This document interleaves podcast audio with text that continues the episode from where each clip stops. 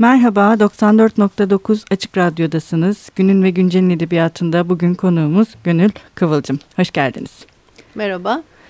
Ee, Gönül Kıvılcım Boğaziçi Üniversitesi'nde iktisat eğitimi aldıktan sonra yüksek lisansını Norveç'in Bergen Üniversitesi'nde kitle iletişim alanında tamamladı. Gazetecilik hayatına Berlin'de Aktüel Dergisi Almanya muhabiri olarak başladı. 1992-1996 yıllarında Alman radyosu ve televizyonunda çalıştı.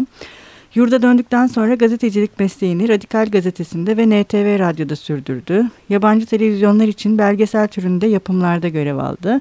1998'den sonra edebiyat alanında çalışmalarına ağırlık veren yazarın ilk öykü kitabı Kasaba ve Yalanlar 2001 yılında yayınlandı.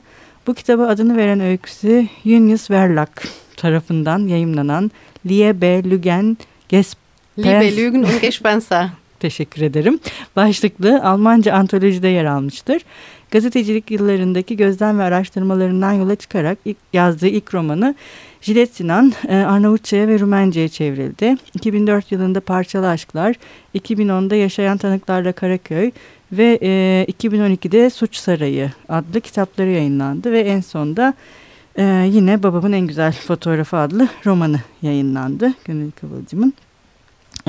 Bugün biraz Jilet Sinan'dan ve babamın en güzel fotoğrafından bahsedeceğiz. Çünkü biz Gönül Hanım'la programın başında da konuştuk. Eski kitapların baskısını henüz... Bu arada ben bir şey eklemek evet, istiyorum. Tabii. Ben üçte oyun yazdım. bir Kadını Öldürmek 2015'te Sadri Alışık'ta Cihangir'de sahnelendi. Hı hı. Ondan önce 2011'de aynı oyun devlet tiyatrolarına kabul edilmişti ama orada henüz oynanmadı. Hı hı. Bir havuzda toplanıyor biliyorsunuz. Hı hı. Sonra Anneme Mektuplar diye hı hı. ikinci bir oyun yazdım. Ee, şimdi de e, Can Yeleği diye mülteci bir kadının ağzından Hı. bu yaz yeni bir oyun bitirdim. Tamam. Teşekkür yani böyle gel gitli bir yazarım. Türler, ara, türler arasında gazetecilik ve yazarlık arasında gidip geliyorum. Ne güzel. Ee, biraz programdan önce de konuşmuştuk aslında bu Jilet Sinan'la ilgili. Hatta e, kitabın çıktığı dönemde yazılan yazılardan birine de beraber baktık. Ee, biraz hani günümüzde de karşılaştırdığımızda e, kitabın ayırt edici özelliklerinden birisinin sokaklar olduğunu ve hani bugün Türk Edebiyatı'na baktığımızda sokakları anlatan ya da sokakların doğrudan hani e, kahraman olduğu eserlerin biraz daha her ne kadar kahramanlar sokakta da olsa kahramanların öne çıkıp sokakların arkada kaldığı e, bir e, dönemden bahsedebiliriz belki. Bu mesela sizin aklınızda olan bir şey miydi Jilet yazarken? Çünkü biyografinizde de var gözlemlerinizden yola çıkarak işte gazetecilik deneyimlerinizden de yola çıkarak yazdığınız e, bir kitap fakat bir belgesel roman değil Jilet. Ve... Hayatın içinden bir kitap. Hı hı. Ee, sanırım Gönül Kıvılcım da hayatın içinden bir yazar. Ee, bununla bir bağlantısı var. Ee, bir kere gazetecilik hı hı. E, damarı var bende. Hı hı. E, Jilet Sinan da zaten e, Radikal'de gazetecilik yaptığım yılların ürünüdür. Hı hı. E, hayatın bir şiiri var aslında. Onu yakalamayı seviyorum sanırım. Hı. Sokakların da şiiri var. Tekrar e, Jilet elime alıp şöyle sayfalarını çevirdiğimde onu düşündüm geçenlerde e, şiiri tür olarak zaten çok severim ama hı hı. gerçekten sokakların da bir şiiri var. Zaten kitabın, Bunu görmeyi bilirsek. Bu sokakların şiiri deyince şimdi siz zaten kitabın e, yapısı da öyle. Yani kitabı anlatısı da bir şiir formunda. Yani daha doğrusu şiire yakın bir form. Tam olarak şiir dememiz biraz zor ona ama. Dili şiirsel diyelim Dili belki. şiirsel. Hı hı. Hani o yüzden yani pardon lafınızı kestim ama hı hı. hani o sokakların e, şiirsel anlatımı ee, yine sizinle konuşmuştuk benzer bir şeyin şimdi Ayhan Geçkin'de de yine şiirsel bir şekilde ortaya çıkması. Hani bu sokaklar ancak böyle mi anlatılabilir oluyor? Yok hayır ee, sokakları çok daha e, sert bir dille de anlatabilirsiniz. Bu da Hı. mümkün. Hı hı. E, ama zaten hani ben dille e, uğraşmayı seven bir yazarım. Hı hı. E, edebiyatın dil üzerine kurulu olduğunu düşünüyorum e, hani diyoruz ya yazarın e, vatanı edebiyattır, e, e, yazarın vatanı Yazın dildir, dildir diye. E, Kasabı ve yalanları e, bulamamışsınız. Keşke onu da ya, okuyabilseydiniz. Keşke. Orada da yine e, şiirsel bir söylem vardır. Hı hı. E, babamın en güzel fotoğrafında Bozkır'ı anlattığım yerler için de evet. e, arkadaşlar benzer şeyler söylemişti. Evet Metin Kaçan da biliyorsunuz hı hı, sokakları anlatır, tarla başını anlatır, hı hı. E, Dolapdere'yi anlatır ağır romanda. Hı hı. E, nasıl bir ayrım var diye soracak olursanız bana göre hı hı. E, biraz daha mesafeli duran bir anlatıcı vardır sokağa e, Jilet Sinan'da. Hı hı. E, çok daha e, içeriden anlatır Metin hı. Kaçan. E, yani arabesk değil ama hani Anladım. yakın -hı. duran evet. belki bir e, tavırla. E, ben bir yandan bu sokağın arabesk halini anlatırken öyledir çünkü bu çocukların dünyası, bu gençlerin Hı -hı. dünyası. Bir yandan da ona mesafeli durmayı seçtim. Hı -hı. Bu belki benim belgeselci yanımla da Hı -hı. alakalı. Hı -hı. Biyografimde de e, var okudunuz. Hı -hı. Hem Alman televizyonunda çalıştım. Daha sonra Türkiye'ye geldiğimizde de e, buradan daha evet. mesafeli bakabilmenin şeyini. Evet. Evet. E, belgeseller yaptık. Bu hayata biraz e, mesafeli bakmayı gerektiriyor. Hı -hı. Televizyonculuk ve belgeselcilik. Hı -hı. Ama edebiyat belgesel e, değil, değil tabii. O başka evet. bir şey. Bir, bir de, dil yakalamanız gerekiyor. Evet. Burada sokağın dili yakalanırken bir de e, benim şey de dikkatimi çekti. Bunlar çocuk sonuçta. Ve yani bir çocuğun dünyasında biz görüyoruz ve o çocuğun dünyasındaki sokak hiç de parlak değil yani yaşadıkları bir trajedi sonuçta ve e, o işte anne babanın onları e, yani diyeyim itmesi, o sevgisizlik ve o sokakta birbirlerine sarılmaları ama sokağın da e, kendi dilinde, kendi kavgasında var olmaları e, gerektiği hikayesinde mesela şöyle riskli bir durum ortaya çıkabilirdi gibi geldi bana kitap okurken. Ya bunlar çocuk hani niye böyleler diye ama böyle bir şey mesela hiç fark etmiyoruz kitabı okurken. Bunlar çocuk ve tam da hani e, o hale düşmüş çocukların e, şeyiyle oldukça gerçekçiler. Ve bu bizi hiç şey yapmıyor hani kendi içinde tutarsız bir metin okuyormuş havası vermiyor. E, bunun çok zor olduğunu düşündüm mesela. Ve hani e, hassas bu, bir denge. Evet, evet hassas, hassas bir, bir denge. denge. Yani o sizi zorladı mı yazarken? Bunu düşündünüz mü? Evet hani ben bunu yazarken işte diyorum ya yani bu mesafeyi o yüzden sanırım bilinçli olarak seçtim. Ee, sadece çocukların ağzından anlatsaydım ya da gençlerin hı hı. yani hı hı. E, sokak çocukları diye bir tabir var ama genç artık buna evet. 18-19 evet, kimisi 20-22 evet, yaşında gençler. gençler. Ee, sadece onların ağzından anlatsaydım böyle bir risk vardı. Çok bıçak Hı. sırtı bir tema Hı. çünkü e, evet. e, sokağın ötesinde hani bir de sokak çocukları. Evet. E, Kemalettin Tuğcu'dan beri hani var bu.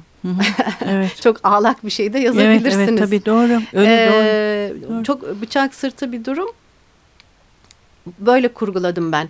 Hem gençlerin ağzından hem de e, onlara mesafeli dışarıdan bakan bir anlatıcının ağzından. Hı hı. Anlatıyorum evet. ki e, bir şey sömürüsü olmasın, duygu, duygu sömürüsü, sömürüsü olmasın. olmasın. Evet. Bu, bu çok kolay çünkü. E, evet.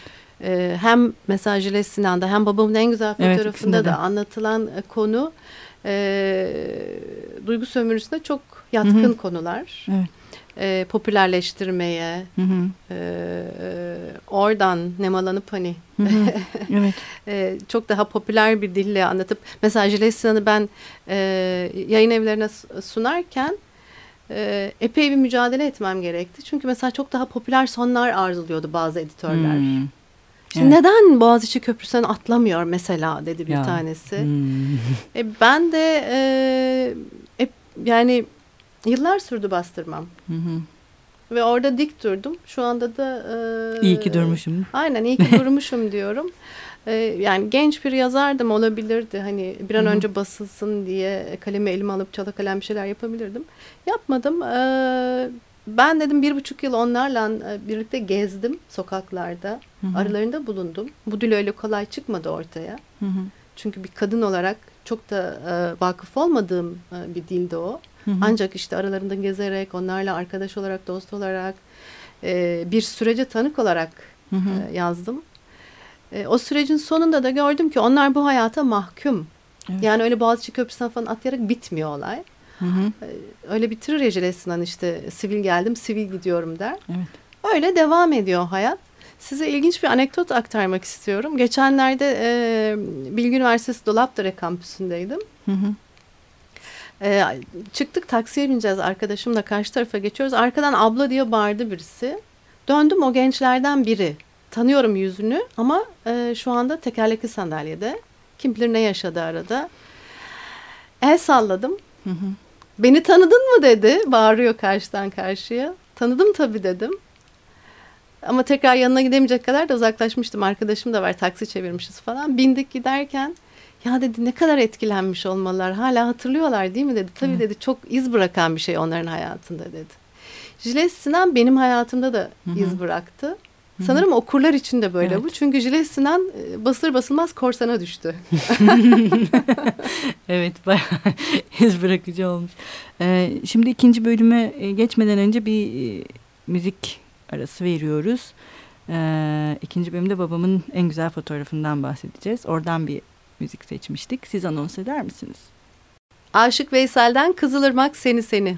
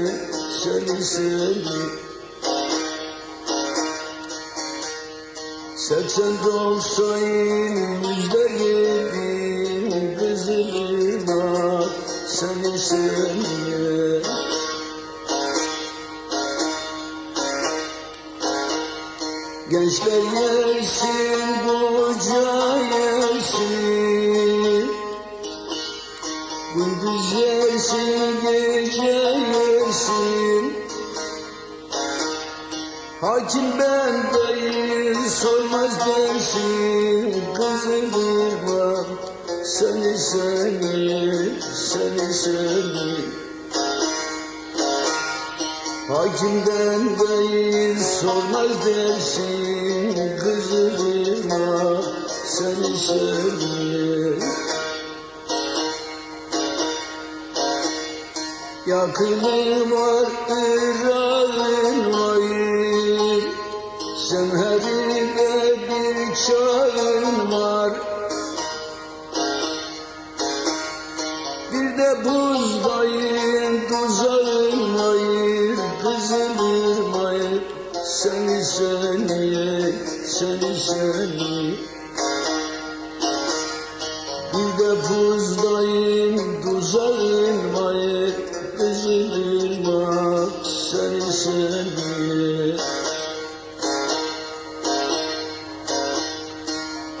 Jesus.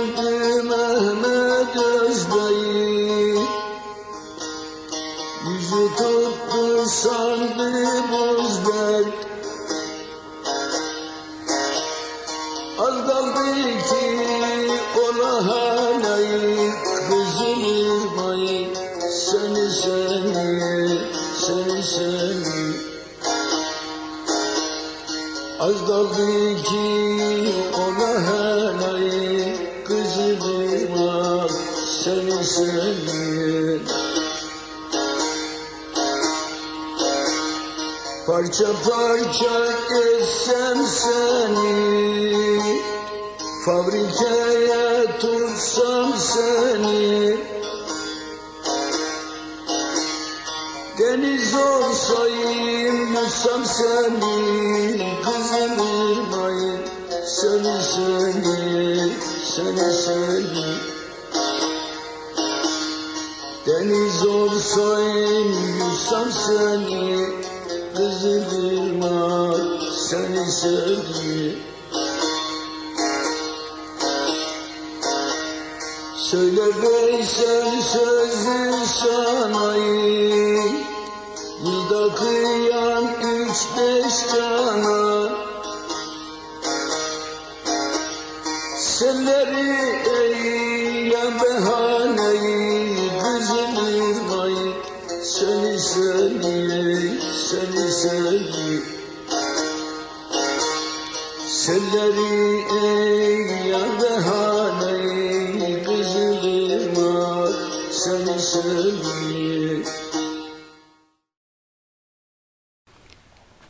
Merhaba tekrar 94.9 Açık Radyo'dasınız. Günün ve Güncel'in edebiyatında bugün konuğumuz Gönül Kıvılcım.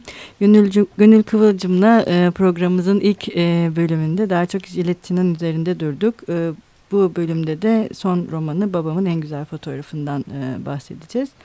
E, Babamın En Güzel Fotoğrafı e, çok katmanlı bir roman aslında bence. Yani birçok... E, şeyi o ilk bölümde söylediğiniz türler arasında dolaşmayı sevdiğinizin gerçekten en belki de hani e, tipik örneklerinden birisini babamın en güzel fotoğrafında görmek mümkün. Zaten bir fotoğrafın babasının ark babasının çektiği fotoğrafların peşindeki bir kadın e, bu kitabın kahramanı ve Kızılırmak boyunca bir maceraya e, başlıyor aslında ve hatta babasının anlattığı anlatmadığı ya da eksik anlattığı bir hikayeyi sonra burada devamını tamamını öğreniyor. E, bu mesela fotoğraflar e, ve e, Kızılırmak birlikte bir metafor gibi geldi kitapla kitap bende. İkisi birbiriyle hani hem teker teker çekilen fotoğraflar, ırmak boyunca devam eden bir arayış serüveni ve her yerde başka bir fotoğrafın birbirine eklenmesi ve sonrasında da eksik bir hikayenin tamamlanması. Ee, bunu böyle bir metafor olarak yani çünkü biz bunu birçok şekilde okuyabiliriz yani o ırmak ve fotoğrafların hani baba zaten başlı başına ayrıca bir şey. Bunları bir metafor gibi mi düşündünüz başlangıçtan itibaren yoksa sonradan bunlar kendi içinde birbirine eklemlenmeye mi başladı? Bunu merak ettim açıkçası. Ee, Kızılırmak, önce şunu söyleyeyim. Kızılırmak bende tekrarlayan bir imge. Hı hı. Ee, kasaba ve yalanlarda da vardır. Ee, Kızılırmak boyunca yürüyorum hı. diye e, başlar. Ee, bu kadar somut sizin anlattığınız gibi hı hı. E, düşünmedim belki ama hı hı. E, Bozkır'ın dilini e, fotoğraflarla yakalamaya çalıştım diyeyim. Hı hı. E, çünkü e, babamın en güzel fotoğrafı bir yandan da bir e, farklı bir gerçeklik arayışıdır. Evet. E, şunu görüyorsunuz ki aslında gerçeklik e, bize anlatılandan hayli farklı. Evet. Yani, Tarih gibi. Evet. Ailemizin gerçekliği, Hı -hı. kendi gerçekliğimiz, toplumun ve toplumun tarihi. Hı hı bize anlatılanlardan çok farklı. Yani resmi tarihten çok farklı. Mesela düşünsenize Latife Tekin e, gece konuları anlatmasaydı. Değil mi? O çöplerin üzerine kurulu o, o, o modern kentin e, varoşlarını biz Hı -hı. öyle bilmeyecektik. Evet. Bize anlatıldığı gibi bilecektik. Ya da Yaşar Kemal e, Çukurova. Çukurova'yı anlatmasaydı oradaki o feodal düzeni, ağları, Hı -hı. sarı sıcağı e, evet. işçileri, sivrisinekleri hı hı. öyle bilmeyecektik. Ve tabii ki e, ben de e, yıllar geçtikçe aslında Bozkır'ın gerçekliğinin bildiğimden daha farklı olduğunu e, fark ettim, gördüm. E, Tam da e, bir Dersim hikayesiyle çakıştı evet. babamın en güzel hmm. fotoğrafı biliyorsunuz herhalde. Evet, ben bu romanı evet, yazarken evet. Murat Anmungan aradı ve bir Dersim hikayesi için bir e, Hikaye. e, öykü istedi. evet o da enteresandı. E, evet nedir bizden saklanan gerçeklik diye biraz kafa yorarsak... E, hepimiz kendi dilimizi kaybetmişiz sanki diye ben notlar aldım böyle hı hı. E, evde oturmuş düşünürken. Hı hı. E, başka bir dilde konuşuyoruz. Evet doğru. Bize dikte edilen bir dilde. Ee, babamın en güzel fotoğrafında ise bir yandan Kızılırmak var. Bir yandan e, Sema'nın kendi gerçekliğini arayışı var. Evet. Ve e, Bozkır'ın dili var. Bunun, bunun içine Aleviler giriyor. Maraş. E, Maraş giriyor. E, e, türküler giriyor. Evet. Az önce dinlediğimiz türkü. E, Alevilerin ücra e, tepelere e, ıssıza kurulmuş e, köyleri giriyor. Hı hı. Ve tabii burada sormamız gerekiyor. Niye öyle yapmışlar? Çünkü korkuyorlar. Evet. Ee, Ahmet Ümit diyor ya geçenlerde Twitter'da korkuyoruz korkmuyoruz desek yalan olur ama tabii gerçeği söylemeye de devam edeceğiz. Evet. Başka yolu yok. Hı -hı. Mecburuz. Ee, kendi gerçekliğini ararken e, ve bunu da işte e, çocukluğuna dönerek Bozkır'daki e, kırmızı buğday e, tarlalarına dönerek. Evet kırmızı e, buğday tarlaları da pardon affedersiniz yine şey o da galiba bir metafor. Evet yaparken e, bir yandan da pek de e, hoş olmayan gerçeklerle yüzleşmek zorunda kalıyor. Hı hı. Çünkü e, Orta Anadolu sanırım dünyanın her yerinde böyle bu memleketlerin ortası biraz karanlık, karanlık bir coğrafyadır. e, pek çok suç oradan doğru örgütlenmiştir. Hmm, ortada bir sorun var yani. Evet. bu Tolkien'deki gibi orta ülke. e, Sema kendi ailesinin içinde e, Maraş katliamını örgütleyenler olduğunu buluyor. Hı hı. Aslında romanı fazla deşifre etmiş oluyorum ama neyse çıktı ağzımdan. Hı hı. E, biliyorsunuz 19-26 Aralık Maraş hı hı. yıl dönümü. E, 1978'de maalesef Maraş'ta Orta Çağ hatırlatan bir katliam yaşanıyor. Hı hı. E, yüzün üzerinde Alevi öldürülüyor. E, 500'e yakın dükkan, e, ev tahrip ediliyor ve çok hunharca öldürülüyor insanlar. Yani böyle bir kurşunla falan değil işte hamile kadınların hı hı. karnındaki hı hı. bebekler öldürülüyor. Ve bunu insanların komşuları yapıyor. Hı hı. İşin e, tabii e, yüzleşilmesi gereken diğer bir yanı. E, böyle çok e, pastoral manzaralarla başlıyor babamın en güzel fotoğrafı. Evet. Ve biraz daha sert fotoğraflarla evet, sona eriyor. Fotoğraflar ve manzara değişiyor. Evet. Öğrenilenlerle birlikte. Evet. Ee, Maraş'ı araştırırken e, şunu fark ettim. E, diğer büyük katliamlarda ve kıyımlarda olduğu gibi mesela Dersim'de mesela Ermeni kıyımında e, burada da mağdurlar konuşmakta tabii zorlanıyorlar. Bir suskunluk var. Bu çok e, doğal. E, bir yandan e, bir nefreti gelecek kuşaklara aktarmamak için sanırım bu. Hı hı. Ama bir yandan da anlatamadıkları için yani bu çünkü anlatılamaz evet, bir travma. O dili bilmedikleri için. Evet. Ve ben e, bir kadının ağzından anlatmayı tercih ettim. E, bu travmayı ve aynı zamanda bir Maraş mağduru hı hı. bir kadın aradım. Hı hı. Yine sanırım bendeki gazetecilik damarıyla. E, çünkü benim ailem Alevi değil. Hı hı. Bunun içinden hı hı. gelmiyorum. E, biraz daha vakıf olabilmek için. Hı hı. Ee, ve e, Türkiye'nin güney illerinden birinde böyle bir tanık buldum. Yanına gittim, ailesiyle tanıştım. Hı hı. Ve çok aslında e, zor ama kıymetli bir şey yaşadık. İki gün kendimizi bir odaya kapattık, konuştuk. Hı hı. Evet ve böylece e, iki kadının aslında hikayesi iç içe geçmiş oldu. Evet. Ee, Gönül Hanım maalesef programımızın sonuna geldik. Ee, biz programımızın sonunda yazarlarımızın okurları ve dinleyicilerimiz için e, okuduğu bir e, bölümle veda ediyoruz. Siz bugün neyle veda etmek istersiniz? Madem fotoğraflardan hı hı. E, bahsettik, e, böyle bir bölüm o zaman Babamın bakayım. en güzel fotoğrafından bir bölümle evet. veda ediyoruz. Çok teşekkür ederiz geldiğiniz ben de teşekkür için. ederim. Hoşçakalın, görüşmek üzere. Fotoğrafları incelerken babasının derdinden çok uzaktı henüz. Yine de bakıyor ve başlangıcı sezmeye çalışıyordu. Sırların, yalanların, öfkenin başlangıcını ve ailenin. Onun doğumuyla aile olmuşlardı. Öğretmen çiftin kızlarının kulağında kalan türküler, teninin altında bir yerde soğumuş günün birinde ısıtılmayı bekleyen gelenekler, inanışlar, yaşadığı vicdan muhasebeleri, bildiği bütün dünyalara uzaklığı ve yabancılığı, huzursuzluğu ve bunu değiştirmek için bir adım atamayışı, kimseye yeterince yardım edemeyişi, kendine bile yeterince şükredemeyişi, yeterince dua edemeyişi. Ne duası edecekti ki? Duaların da meali yorumu verilmeyecekti yanında. Bildiği bir dilde, sırlarıyla bozkırdan koparılan bir aileyi, kendi ailesinin hikayesini anlatmak istiyordu Sema. Kendi dilini kaybetmiş bir aileyi.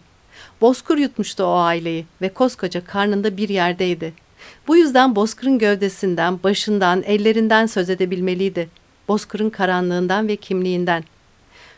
Bir coğrafyanın da kimliği olduğu daha önce neden aklına gelmemişti? Bundan bahsedemediği sürece hikaye kesinlikle eksik kalacaktı.